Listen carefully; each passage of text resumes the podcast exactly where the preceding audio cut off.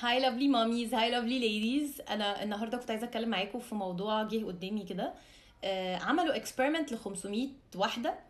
آه، طلبوا منهم إن هم يكتبوا آه، أول خمس أولويات في حياتهم. مفيش واحدة كتبت نفسها. ف it got me to rethink. Let me tell you this. مبدئيا أنت ما ينفعش تاخدي بالك من حد لو ما خدتيش بالك من نفسك. ما هو في سبب ليه إحنا في الطيارة بيقولوا لنا حطوا الماسك الأول وبعدين حطوا الماسك لاولادكم هو آه الواحد بيبقى متخيل إنه لأ ولادي أهم فهحط الماسك لاولادي بس لو انت اتخنقتي in the process ما انت مش هتعرفي تلحقيهم. So if you're not healthy nothing is. When you set a plan لما تحطي خطة لنفسك ويبقى عندك هدف we're going places لنفسك وتاخدي بالك من نفسك هتبقي more efficient هتبقي أم أحسن هتبقي زوجة أحسن هتبقي صديقة أفضل. ليه؟ كل ده لأن انت اديتي نفسك الحق إن انت تبقي أولوية في حياتك. ف it's okay.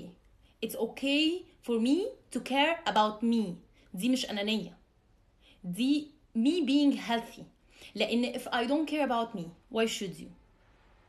فبليز يا جماعة let's wear let's raise awareness إن إحنا ناخد بالنا من نفسنا إن إحنا نبقى أولوية نفسنا في حياتنا. و everything will fall in place I promise. هتلاقي وقت لبيتك وهتلاقي وقت لولادك وهتلاقي وقت لكله بس حطي نفسك أولوية نفسك خلي بالك من نفسك خلي بالك من صحتك غيري ال habits بتاعتك ل habits أفضل. بلاش ال self destruction in the process ما ينفعش أنا بضحي بنفسي عشان ولادي أنا بضحي بنفسي عشان بيتي. لو انت مش سعيدة البيت مش هيبقى سعيد والولاد مش هيبقوا سعداء. وهتيجي بعد سنين تقولي أنا ضيعت 15 20 سنة من حياتي بحاول أساعدكم بس هما ما حسوش بده. لأن اللي انت بتحسيه بي reflect بي reflect بره وبيبقى هو ال energy اللي موجودة. please خلي بالك من نفسك. انت مهمة. انت أهم منهم. لأن انت اللي بتوجهي كل ده. انت كل ال energy اللي بتبقى موجودة في البيت وبتبقى موجودة في حياتكم معتمدة عليكي انت فخلي بالك من نفسك.